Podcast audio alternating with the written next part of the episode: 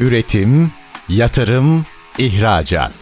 Üreten Türkiye'nin radyosu Endüstri Radyo sizin bulunduğunuz her yerde. Endüstri Radyo'yu arabada, bilgisayarda ve cep telefonunuzdan her yerde dinleyebilirsiniz. Endüstri Radyo.com Ayşete Yavaş'ın hazırlayıp sunduğu depolama çözümleri programı başlıyor. Depolama Çözümleri programından herkese bir kez daha merhaba. Ben Ayşe Yavaş ve depolama ürün ve sistemlerini konuştuğumuz programımızda bugün Coldwell Banker Yıldız Gayrimenkul Danışmanı Muhammed Büyükgöz ile beraberim.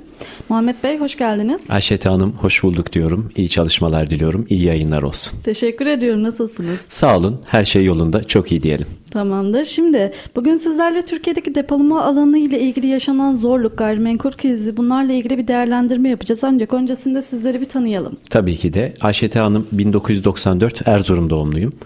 Atatürk Üniversitesi İlahiyat Fakültesi mezunuyum. Lisans eğitimimden sonra ekonomi ve finans alanında gayrimenkul finansı üzerine yüksek lisansımı tamamlamak üzereyim. 6 yıllık bir kamu sektöründeki kurumsal iletişim ve organizasyon yöneticiliğinden kendi işimi yapma ve yönetme kararı alarak İstanbul'da gayrimenkul sektörüne giriş yaptım. Gerekli eğitimleri alıp olması gereken donanımları sağladıktan sonra Türkiye'nin neredeyse birçok şehrinde olan 238 ofis, 3000 aşan gayrimenkul profesyonel ekibiyle Türkiye'nin önde gelen bir kurumsal markasında sektöre giriş yaptım. Dürüstlük, saygı, kalite, sözünde durmak, para odaklı değil memnuniyet ve başarı odaklı çalışmak, disiplin ve insan ilişkileri üzerine kurulu bir çalışma hayatı ile sektörümde kısa sürede önemli mesafeler kat ederek güzel işlemler tamamladım. Özellikle son iki yıldır da Platinum danışman seviyesinde bir danışman olarak müşterilerime hizmet vermekteyim.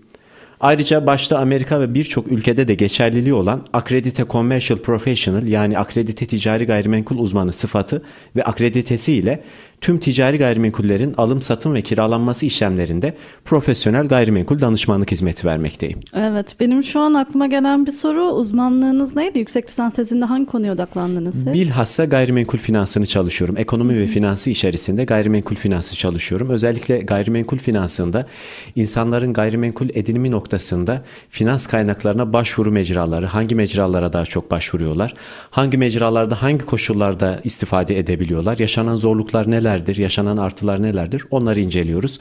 Hatta biraz anket çalışması üzerinde ilerleyen bir çalışma 6 aylık bir süre içerisinde de o çalışmayı tamamlamayı hedefliyoruz. Anlıyorum. Mutlaka ki değerlendirmenizde yansımaları olacaktır. Bu konulara geleceğiz önümüzdeki saatlerde. Şimdi şöyle o zaman konuya giriş yapalım. Depolar üzerine konuşmadan önce bir Türkiye'deki gayrimenkul sektörünün nabzını bir değerlendirmek gerektiğini düşünüyorum ben. O yüzden Türkiye gayrimenkul sektöründe şu an güncel durum nedir? Oradan bir başlayalım. Peki bu konuyla alakalı birkaç madde üzerinde durmak istiyorum öncelikle Ayşe Hanım. Öncelikle satış istatistikleri her ay geriye doğru gitmekte. Gayrimenkul piyasasında bir yavaşlamadan bahsedebiliriz.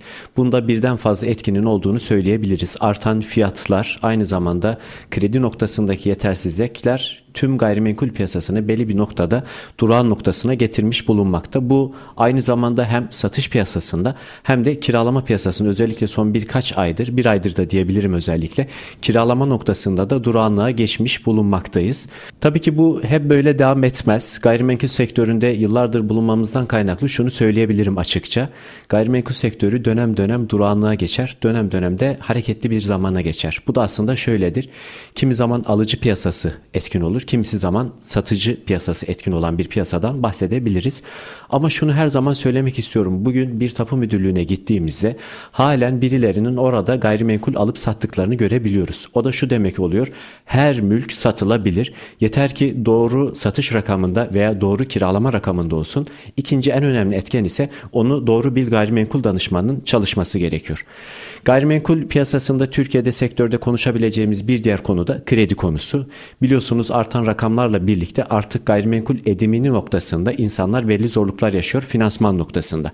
Bankalarda kredi verme noktasında bazı muslukları sıktığı için bu da gayrimenkul piyasasını maalesef olumsuz yönde etkiliyor. Bazı bankalar bu kredi musluklarını açmış bulunuyor, veriyorlar. Ama orada da kredi faiz oranlarının yüksek olması neticesinde insanlar buradaki talebe pek ilgi göstermiyorlar talep az, arzdan daha az olan problemler var. Yani Talep az olduğu için şu an arzın az olması da piyasayı o kadar etkilemiyor. Bu da önemli olan konulardan birisi.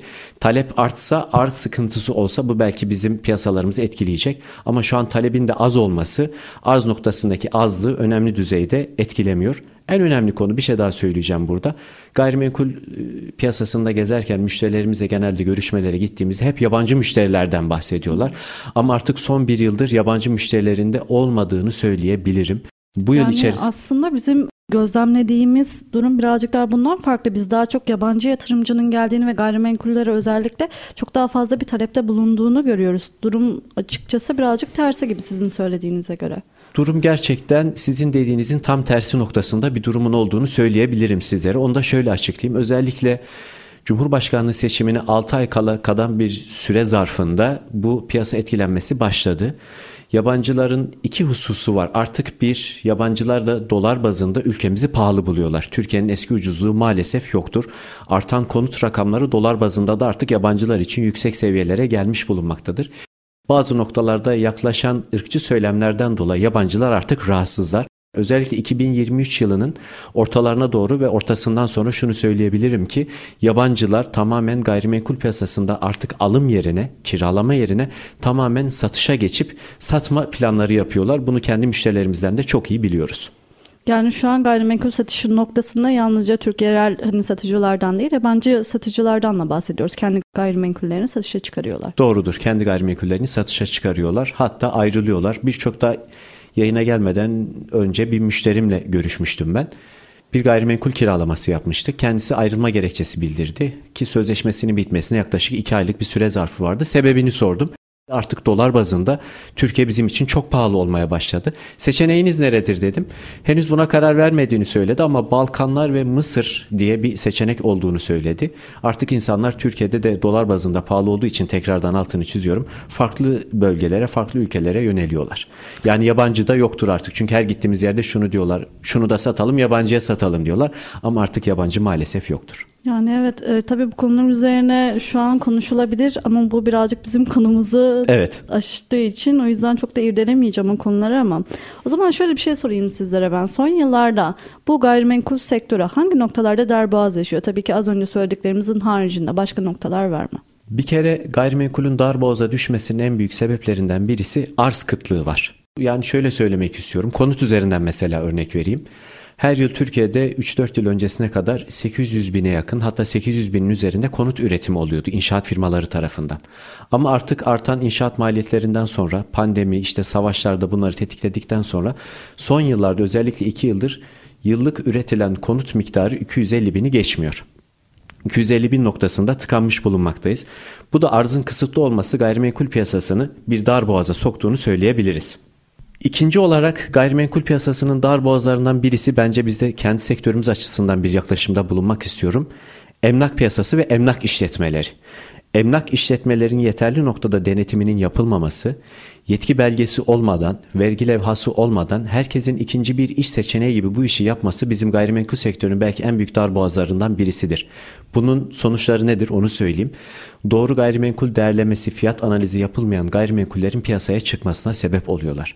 Bunlar piyasaya çıktıktan sonra müşteriler, vatandaşlar bu rakamları görünce otomatikman bizleri de bu rakamlar doğrultusunda sıkıştırmaya başlıyorlar. Bu da piyasanın en büyük bence darboğazlarından birisi oluyor.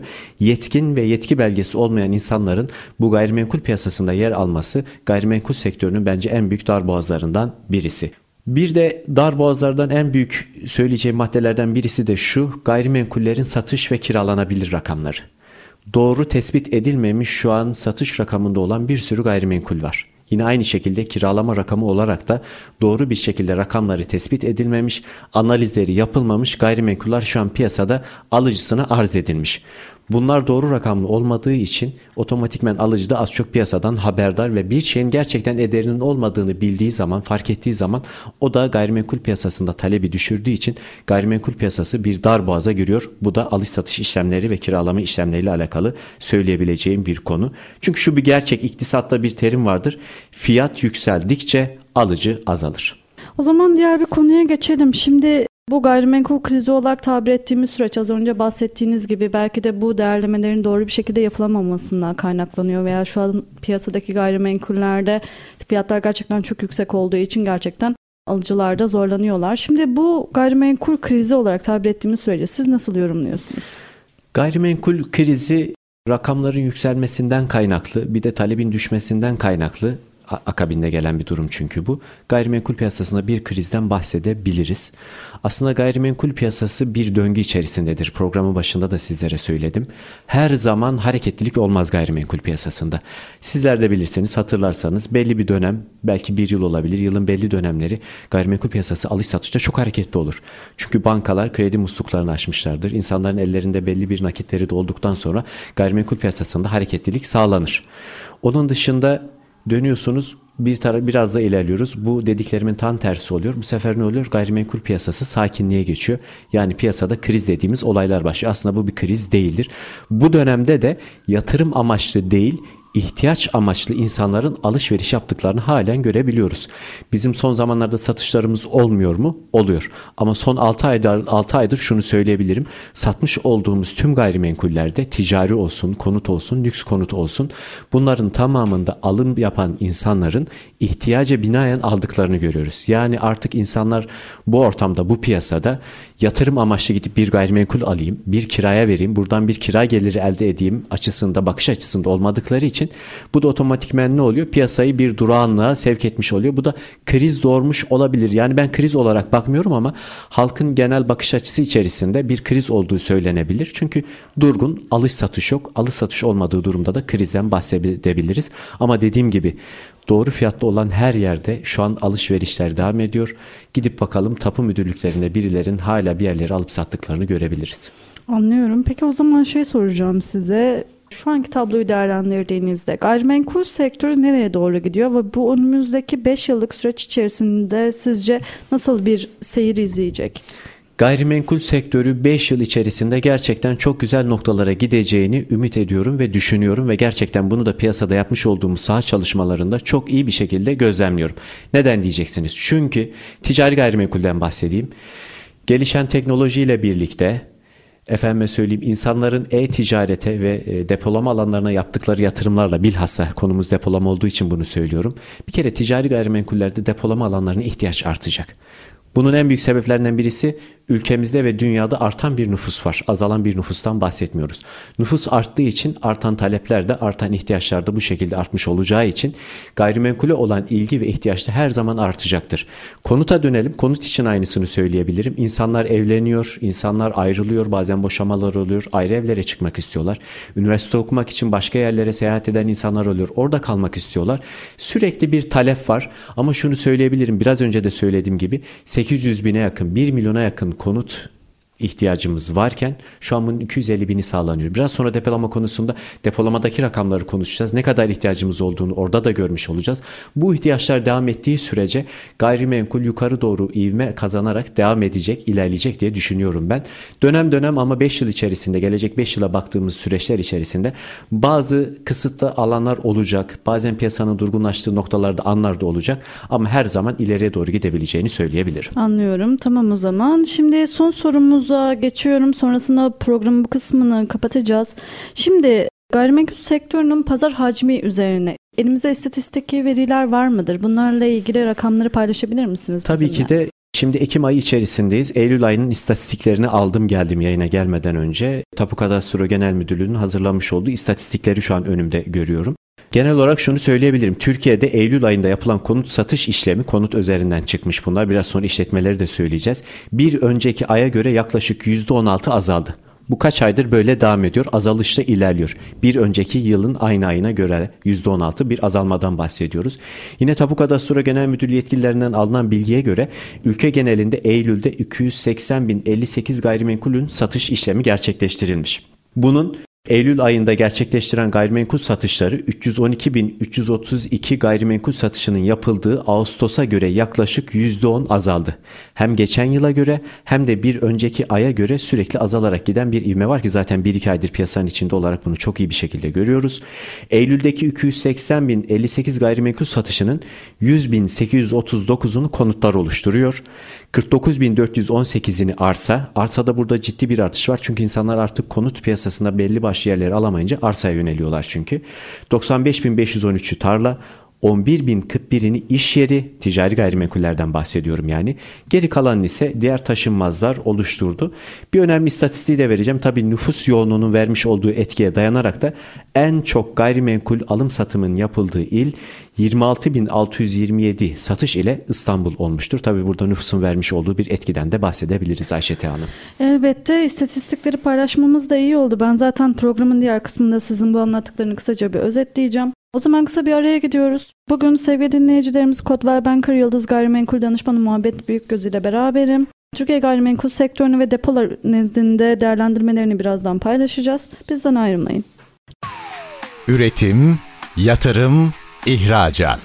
Üreten Türkiye'nin radyosu Endüstri Radyo sizin bulunduğunuz her yerde. Endüstri Radyo'yu arabada, bilgisayarda ve cep telefonunuzdan her yerde dinleyebilirsiniz. Endüstri Radyo.com Depolama Çözümleri programından herkese bir kez daha merhaba. Ben Ayşe Yavaş ve depolama ürün ve sistemlerini konuştuğumuz programımızda bugün Codwell Banker Yıldız Gayrimenkul Danışmanı Muhammed Büyükgöz ile beraberim.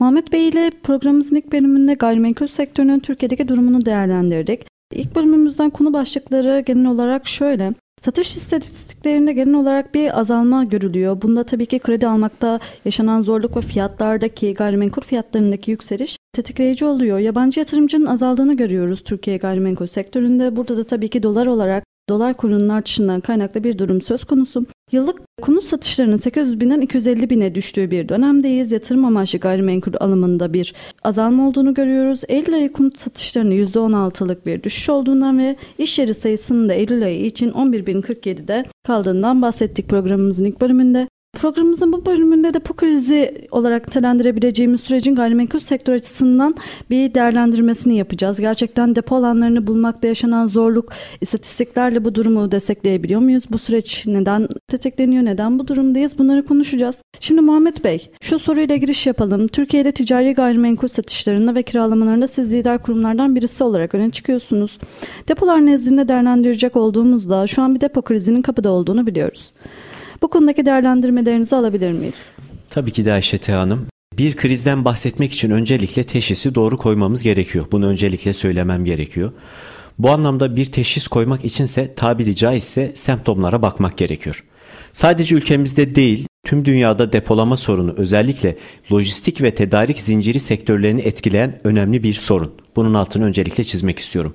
Bu sorunun bazı ana nedenleri var. Örneğin ticaret hacmi sürekli olarak büyüyor ve gelişiyor.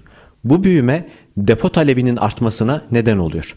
Bir diğer sebep ise pandemi vardı. Pandemiden çıktık. Devam eden Rusya ve Ukrayna krizi, son günlerde İsrail'in Filistin'le birbirine girmiş olduğu bir savaştan bahsediyoruz. Bilhassa Covid-19 pandemisi sırasında bazı sektörler küresel olarak zorluklarla karşılaştı. Ürün tedariğinde kesintiler, talep dalgalanmaları ve teslimat zorlukları gibi sorunlar depo bulma sürecini karmaşıklaştırdı. Türkiye'deki ekonomik büyüme de depo alanına olan talebi otomatikmen artırmış oldu. Şimdilerde yerel üreticiler ve dağıtım şirketleri daha fazla depo kapasitesine ihtiyaç duyuyorlar. Üstelik bazı bölgelerde depo altyapısı yetersiz veya depo alanlarının sınırlı olması nedeniyle talebi karşılayacak uygun depo alanları da artık maalesef bulunmuyor. Bu sorunların yanında yaşadığımız küresel enflasyonist süreç ve yüzyılın felaketi olarak nitelendirdiğimiz tabi milletimizi de derinden etkileyen deprem süreci de gayrimenkul fiyatlarını olumsuz bir şekilde etkiledi. Hem ticari gayrimenkulde hem konutta. İşletmeler depo yatırımı konusunda bazı zorluklar da yaşıyor. Krediye erişim konusu da bir diğer zorluk oldu bunun üzerine. Hizmet verenler kadar hizmet alanlar da bu işin zorluğunu çekiyorlar.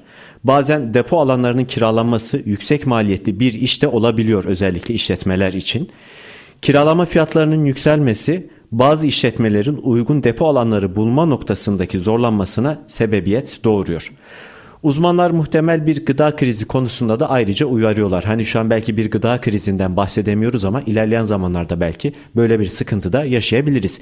E tüm bunlarla birlikte bu sorunlar tedarik zinciri yönetimi ve lojistik sektöründeki profesyonellerin Türkiye'de depo bulma konularında daha fazla stratejik yaklaşımlar gerçekleştirmesine artık neden oldu.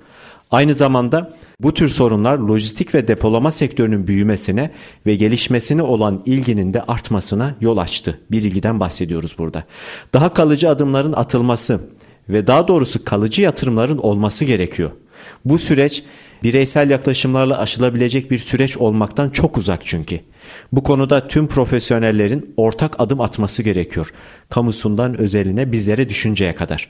Olası bir krizle mücadele için yatırımların bir gayrimenkul danışmanıyla mutlaka ele alınması çok isabetli bir karar olacağının ben altını çizmek istiyorum. Çünkü bizler sahada aktif olmamız dolayısıyla sahadaki ihtiyacı çok iyi biliyoruz. Anlıyorum. Peki o zaman şimdi bu boş depolama alanı bulmakta yaşanan zorluk başlıca İstanbul'da etkiliyor. Ama Türkiye'nin genelindeki durum nedir? Şöyle söyleyeyim, İstanbul'daki durum neyse aslında geneli Türkiye için de söyleyebiliriz. Maalesef gerek toplam depo sayısı, gerekse depolama kapasiteleri ilgili yapılmış bütüncül bir çalışma yok. Türkiye'de depolama sektörünün hacmi ve ekonomideki yeriyle ilgili olarak yapılan analizlerde büyük ölçüde varsayımlardan yola çıkılıyor. Kesin ve net bilgiler maalesef kullanılamıyor. Varsayımlardan biz örnek gidelim. Varsayımlardan bir tanesine göre mevcut depoların %90 civarında dolu olduğu yönünde. Benim şahsi görüşüm bunun %99 hatta %95'lerin de üzerinde olduğu yönünde. E dönelim TÜİK'e bakalım. TÜİK'in verilerine baktığımızda da ulaştırma ve depolama faaliyet kolunun sürekli bir şekilde büyüdüğünü görüyoruz. Büyümenin sonucunda talep de gelecek otomatikmen bunlara bağlı olarak. İstatistiklere göre ulaştırma ve depolama alanında faaliyet gösteren firma sayısı 50 binlere ulaştı. Resmi ve kayıtlı olan istatistikten bahsediyorum 50 bin. Bunun hatırı sayılır bir kısmının depolama firması olduğunu da biliyoruz zaten bizler piyasada. Tabi burada depo türlerinin farklılaştığını da hatırlatmak gerekir. İşte meyve sebze depolarından tutun da gümrüklü antrepolara kadar farklı tür ve amaçla kurulan depolar var.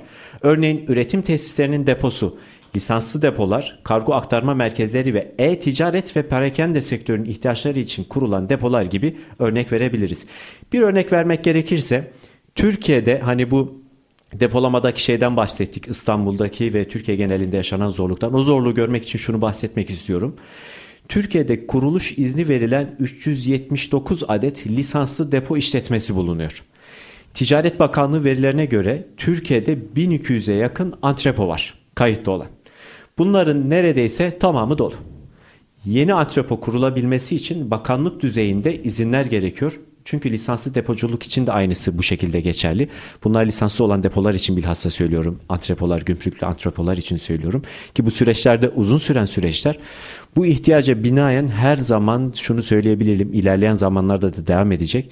İstanbul'daki problem en büyük. Çünkü İstanbul'daki hani üretim ağından kaynaklı, ulaşım ağından kaynaklı ağır yükü İstanbul çekiyor. Ama Türkiye'nin geneli içinde bu tabloyu söyleyebiliriz. Ha, Anadolu kısmında biraz daha durum rahat ve sakin diyebiliriz. Ama tablo her yerde hemen hemen aynı Ayşe Hanım. O Anadolu kısmında zaten birazcık daha üretim yerleri hani Hı. daha ovalara yayılmış durumda ve orada birazcık daha herhalde biz boş arsaların bulunabildiğini görüyoruz değil mi? İstanbul'a o şekilde. nazaran. Tabii geniş arazi alanlarının yaygın olması otomatikmen orada şöyle bir durumdan da beseceğim. İstanbul'da üretim yapan bir firma yanında boş bulunan bir araziyi kiralayıp depolamacı kullanmak istese ödeyeceği kira rakamıyla Anadolu'da bir fabrikanın ödeyeceği kira rakamı bir olmadığı için onların rahat hareket edebilme kabiliyeti daha yüksek oluyor otomatikman. Evet. Peki o zaman şöyle konuşalım. Hızla artan ve globalleşen e-ticaret depolamaların ihtiyacını artırıyor. Tabii ki bu bahsettiğimiz pandemi döneminden sonra bir sıçrama yaşaması da var bu sektörün. E-ticaret depolarına ilişkin yürütülen çalışmalar var mı elinizde? E-ticaret depolamalarına ilişkin çalışmalarımız var. Ortak çalıştığımız hatta danışmanlık verdiğimiz çok önemli firmalarda var. Onu öncelikle belirtmek istiyorum. Daha önce Türkiye geneliyle ilgili bilgi verirken söylediklerimizin aynısını kargo aktarma merkezleri ve e-ticaret için kurulan depolar için de söyleyebilirim. 2022 yılında ülkemizde e-ticaret hacmi bir önceki yıla göre %100'ün daha üzerinde bir artışla 800 milyar TL olarak gerçekleşti. Perakende e-ticaret hacmi ise 458 milyar TL olarak gerçekleşti. Yani bu ticaretin %57 gibi büyük bir kısmını depolanabilir ürünler oluşturdu. Onu gördük. Resmi kaynaklara göre bugün ülkemizde e-ticaret faaliyetinde bulunan toplam 550 bine yakın işletme bulunuyor. Resmi kayıtlı olan. Verdiğim bu bilgilerden yola çıkarsak bu işletmelerin %57'si depoya ihtiyaç duyuyor. Otomatikmen depolama alanı lazım bunlara çünkü. Nereden bakılırsa bu da 300 bine yakın e-ticaret işletmesinin depoya ihtiyaç duyduğu anlamına geliyor. Öte yandan e-ticaret lojistiğinde sipariş ile başlayan ve ürün iadelerini de kapsayan bir süreç var. Bunu da bahsetmek istiyorum. Çünkü iade ürünlerin depolanması ve geri dönüşümü için de uygun tesislerin mutlaka olması gerekiyor. Bu anlamda artan e-ticaret hacmi ile birlikte depolama alanına duyulacak ihtiyaç dediğiniz gibi giderek artıyor. Biz de e-ticaret lojistiği ve bu alana ilişkin nitelikli depo yatırımlarında uzmanlaşmış insan kaynağına önem veriyoruz. Bu alanda gerekli bilgi ve donanıma sahip paydaşlarımızla çalışarak danışmanlık hizmeti veriyoruz. Bu sayede danışmanlık verdiğimiz firmaların lojistik ağlarını optimize ederek maliyetlerini düşürmesi ve e-ticaret çözümleri için nitelikli depo ve tesis önerileri geliştiriyoruz Ayşete Hanım. Peki bir şey soracağım. Bu e-ticaret depoları Çayırova tarafında daha çok tabii ki Gebze tarafında o bölgelerde yoğunlaşıyor değil mi? Şöyle Genel söyleyebilirim. Olarak... Çayırova, İstanbul, Gebze, Tuzla'dan başlayıp Kocaeli'nin o kısımlarından Çayırova'dan devam eden bir şekilde e-ticaret depolarının yoğunlaştığını söyleyebiliriz. Burada da en önemli aksın ulaşımdan kaynaklı olduğunu söyleyebiliriz. En basit örneğini vereyim. Avrupa yakasından Anadolu'ya gitmek artık bir maliyet oluyor. Trafik şartlarıydı, zaman kaybıydı. Bunun birden fazla sebebi var. Bu en basit sayabileceğim örneklerden birisi. Orası ulaşım ağından dolayı biraz daha İstanbul'un merkezine oranla hani çok cazip olmasa da metrekare rakamları olarak, fiyatları olarak hem kiralamada hem satışta biraz daha cazip olması o bölgeyi tercih edilebilir kılıyor. Peki o son yıllarda o bölgelerdeki şeylerde nasıl anlatayım? Boş arsalarda Nasıl bir durum gözlüyorsunuz? Son yıllarda nasıl bir doluluk var oralarda? Şöyle söyleyebilirim. Özellikle ticari işletmelere ve ünitelere yakın olan bölgelerdeki arsa ve arazilerde ciddi bir hareketlilik olduğunu söyleyebilirim. Burada tabi talebin vermiş olduğu arzdan kaynaklı fiyat artışını söyleyebilirim.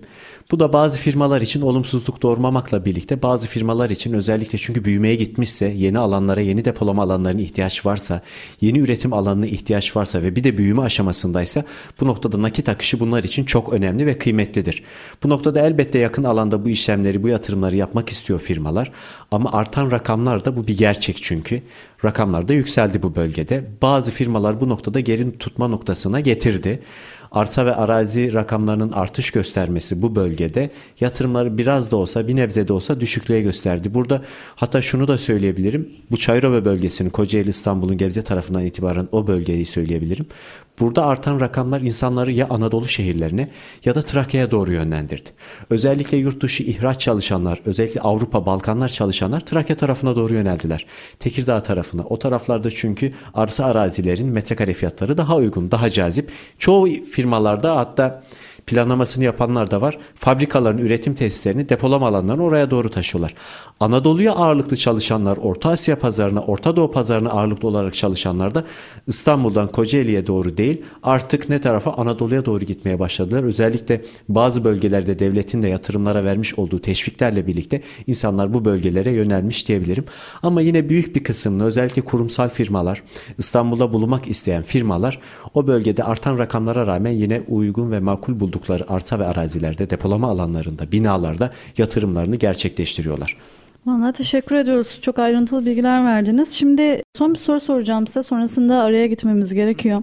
Şimdi Türkiye'de kayıt altındaki depolama alanı 20 milyon metrekareyi bulmuyor. Şimdi bunun da 12 milyon metrekaresi Kocaeli İstanbul Çatalca hattında yer aldığı biliniyor. Bu bölgenin gayrimenkul sektörü açısından değeri nedir? Bu bölgeler İstanbul, Çatalca, efendim söyleyeyim Kocaeli gayrimenkul sektöründeki değerleri gerçekten bizim için çok yüksek.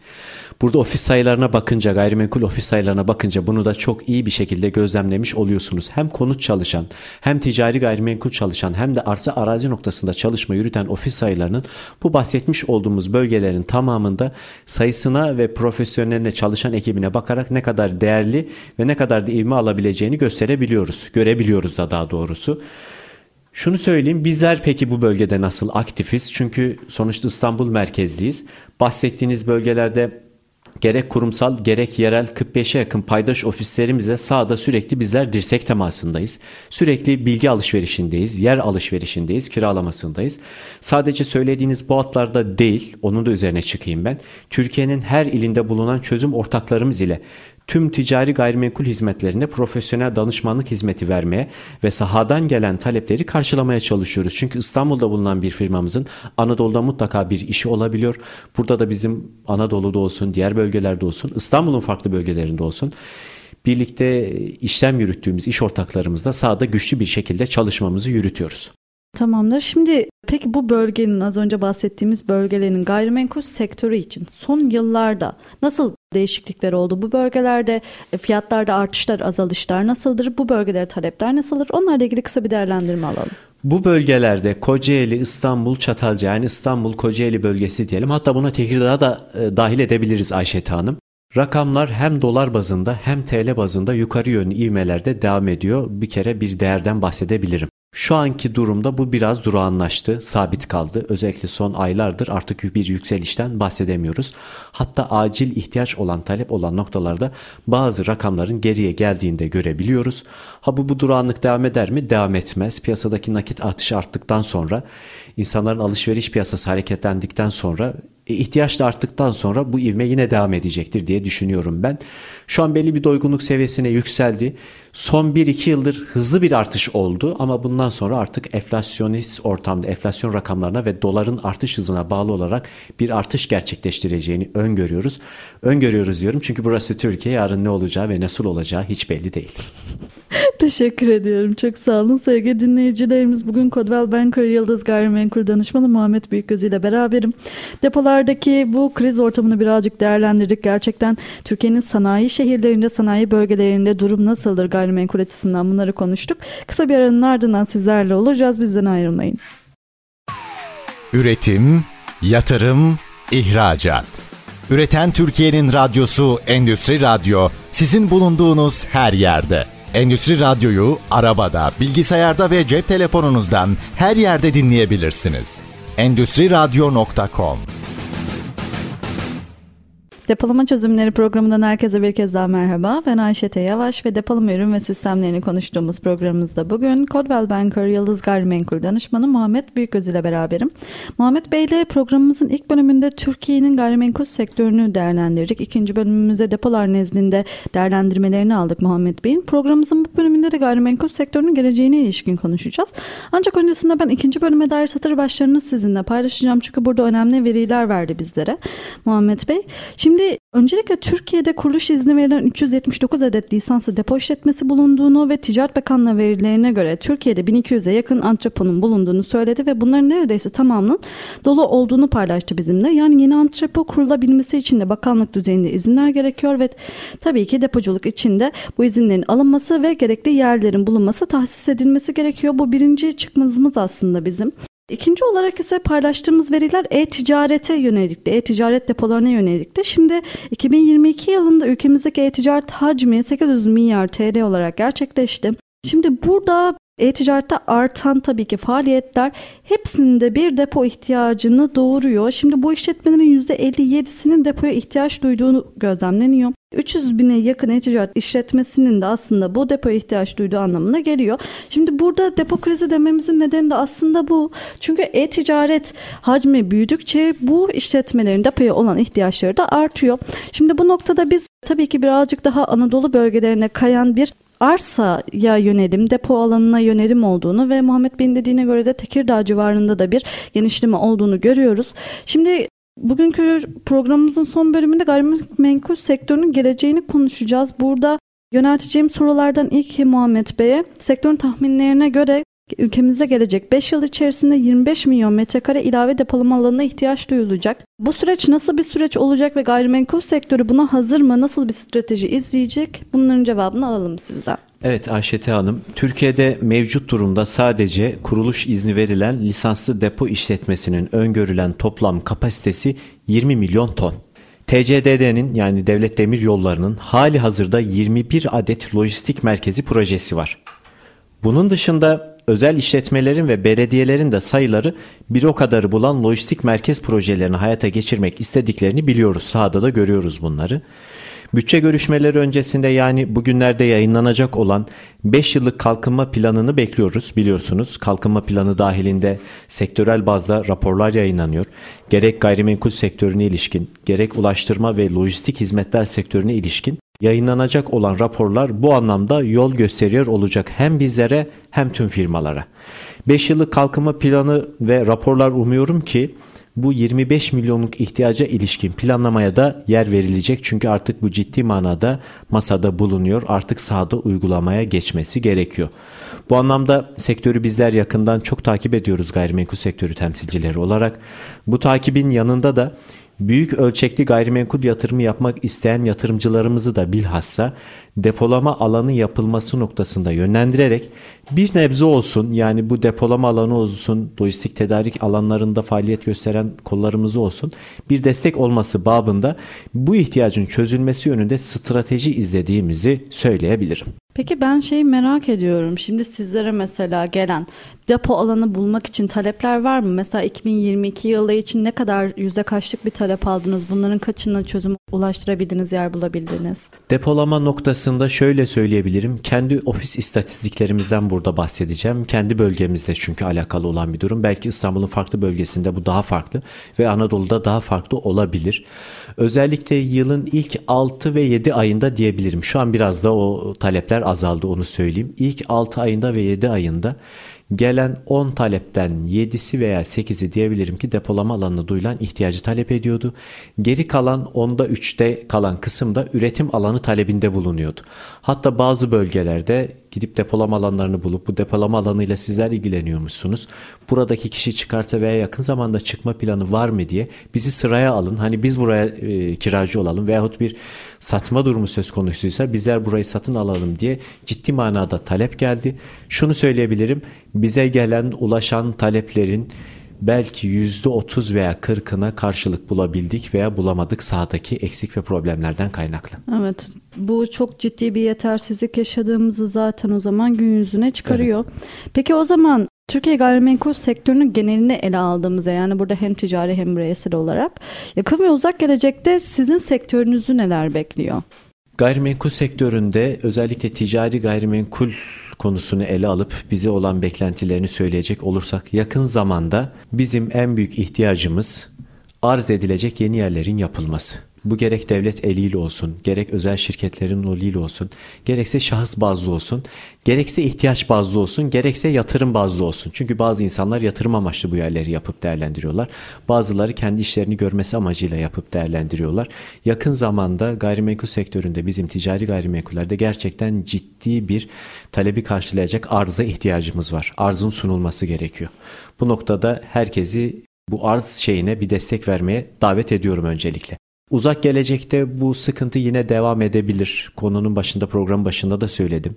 Artan nüfus ile birlikte, artan ihtiyaçlarla birlikte, değişen dünya düzeni ile birlikte depolama alanlarına, e-ticaret depolarına, lojistik depolara artan ihtiyaç önümüzdeki yıllarda da devam edecek. 5 yıl içinde, 10 yıl içinde bunu söyleyebiliriz. Bu ihtiyacı karşılayamazsak eğer bu problem çığ gibi daha da büyüyerek önümüze gelip düşmüş olacak. Şunu söyleyebilirim. Bazı büyük işletmeler, firmalar gayrimenkule yatırım yapıyorlar. Arsa ve arazi noktasında özellikle. Şu seçenekler de bazen önümüze geliyor. Hatta yapmış olduğumuz işlemlerde var. Burada firma ismi vermeden söylemek istiyorum. İstanbul'un bir bölgesinde, Hadımköy bölgesinde bir yatırımcımızın arsa ve arazisi vardı. Yaklaşık 10 dönüm diyebiliriz. Bu bölgede kendisi üzerine depolama alanı yapabilecek bir miktarda parası ve bütçesi bulunmuyordu. Biz ne yaptık? Sürekli sahadayız çünkü. Kimin neye ve nerede ihtiyacı olduğunu biliyoruz. Sahada da böyle bir durumun olduğunu görünce, e, bütçesi de olmadığını görünce çalışmış olduğumuz bazı firmalar özellikle depolama alanına ihtiyacı olan, özellikle soğuk hava deposuna ihtiyacı olan bir firmamız vardı. Onların gittik kapısını çaldık. Onlara mevcutta böyle bir yerin olduğunu, buranın kendilerine kiralamasının yapılabileceğini söyledik. Burada da nasıl oluyor? Aynı zamanda biz bu arsa araziyi diyelim ki uzun yıllar işte orada firmanın yapmış olduğu depolama alanı veya yapacağı işte soğuk hava deposu alanına bağlı olarak bir maliyet tespit ediliyor. Çıkan maliyet neticesinde süresi ve yılı belirlenen bir kira sözleşmesi düzenleniyor ve bu düzenlenen kira sözleşmesinden arsa sahibi amortismanını yaparak hem orada o bölgede o arsanın üzerinde bir gayrimenkule sahip olmuş oluyor. Hem de öyle bir gayrimenkule ihtiyacı olan ve parası ve bütçesi olan bir firmada ihtiyacı olan kişi de gelip o bölgeye yatırımını gerçekleştirebiliyor. Belli bir miktarda da cüzi miktarda da belli bir oranda kira ödüyor. Kirasını tamamladıktan sonra amortismanını yaptıktan sonra inşaat maliyetinin amortismanını tamamladıktan sonra da tam zamanlı olarak kira ödemeye devam ediyor. Kira sözleşmesini de ona göre ilerlettirebiliyor veya devam ettirebiliyor.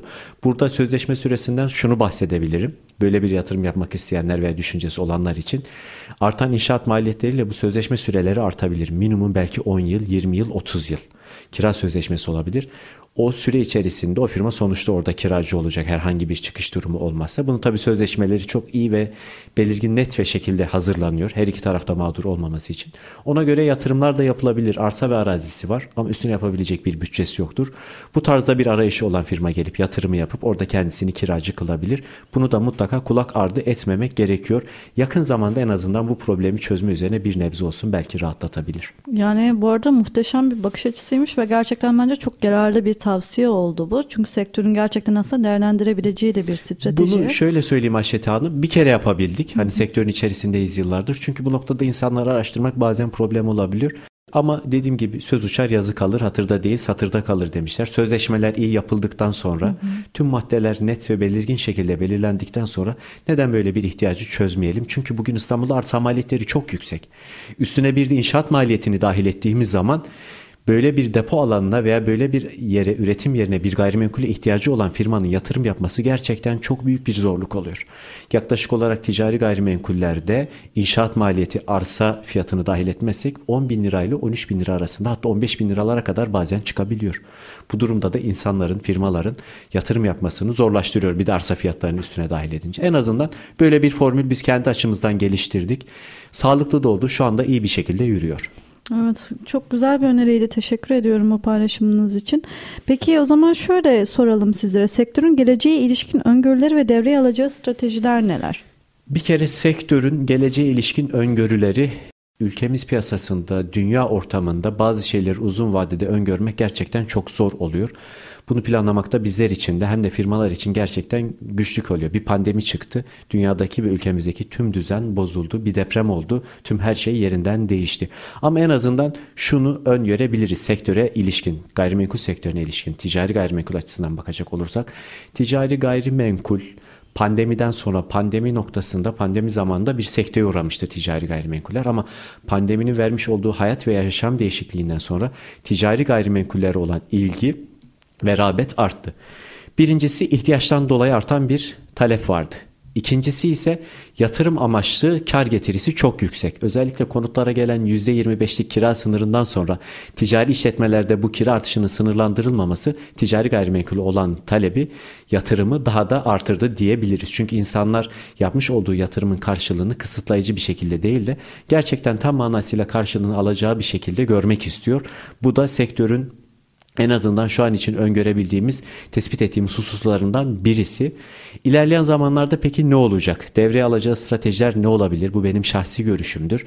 Artık bu tarzdaki ticari gayrimenkuller yatırım amaçlının dışında çünkü artan maliyetlerden sonra artık ihtiyaca göre şekillenecek.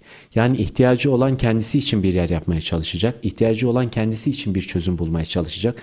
Devleti ve bazı yatırımcıları saymazsak bu probleme hani yatırımcı amacıyla yapılacak depolama alanlarının olmayacağı da bu da sektörün ilerleyen zamanlarda doğuracağı en büyük problemlerden biri olacak. Bu da şunu söyleyebileceğim bu noktada alınabilecek en büyük strateji özellikle burada devlete çok büyük bir iş düşüyor. Yatırım amaçlı olsun, ticari gayrimenkullere olan yatırımın artırılması gerekiyor. Bunu aynı şekilde konut için de söyleyebilirim.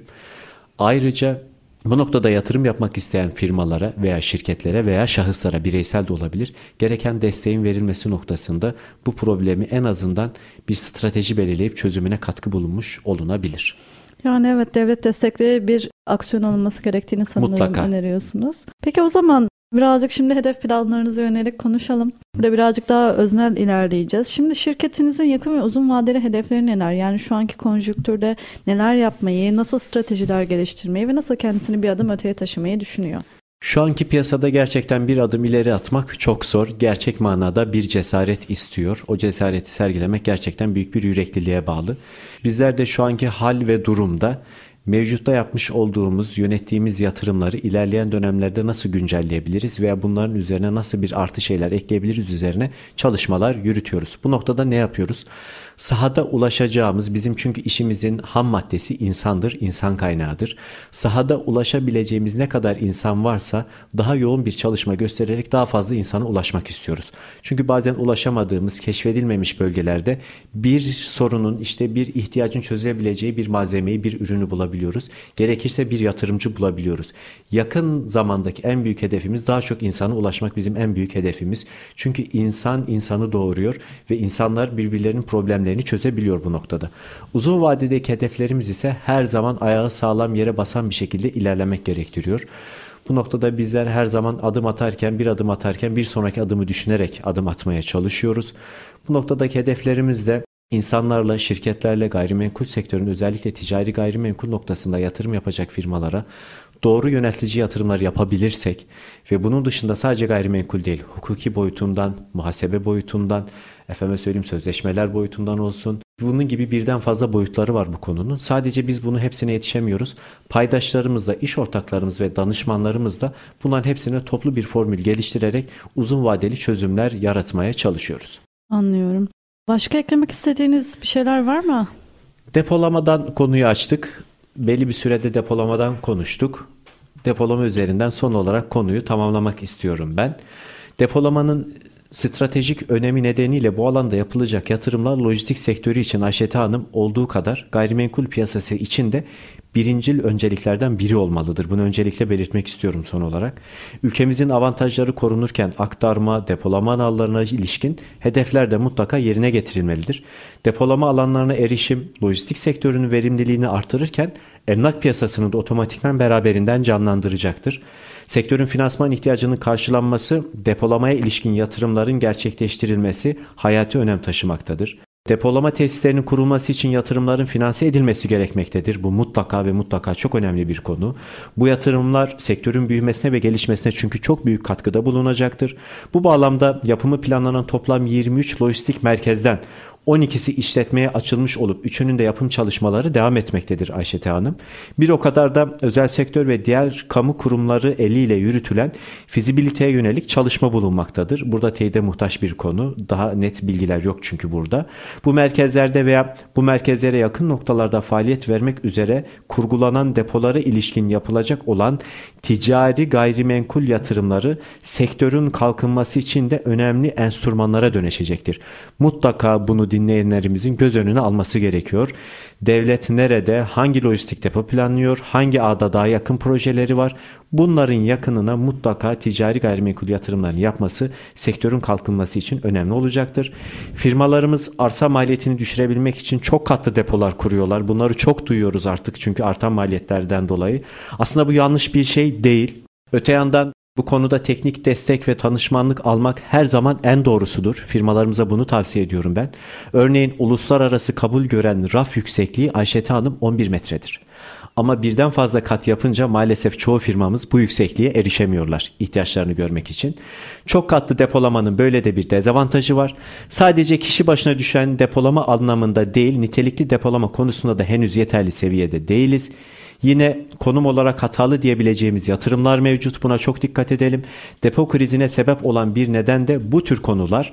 O yüzden firmalarımızın yatırımları öncesinde mutlaka tüm ticari gayrimenkul alım satım ve kiralama hizmetlerinde gerekli bilgi belge ve donanımlara sahip bir gayrimenkul danışmanlık ofisinden bir danışmandan hizmet almalarını ben tavsiye ediyorum. Doğru yatırım doğru yerde olmalı çünkü. Ulusal sesleniş gibi bir kapanış oldu gerçekten. teşekkür çok ediyoruz. Ben çok teşekkür Ağzınıza ediyorum. sağlık. Hanım. Gerçekten çok değerli bilgilerdi. Sevgili dinleyicilerimiz bugün Codwell Banker Yıldız Gayrimenkul Danışmanı Muhammed Büyükgöz ile beraberdik. Muhammed Bey'den gerçekten şu an çok gündemde olan konuyla ilgili, depo kriziyle ilgili çok değerli bilgiler aldık. Umuyoruz ki sizler de keyifle dinlemişsinizdir. Bir başka programda görüşmek üzere. Hoşçakalın.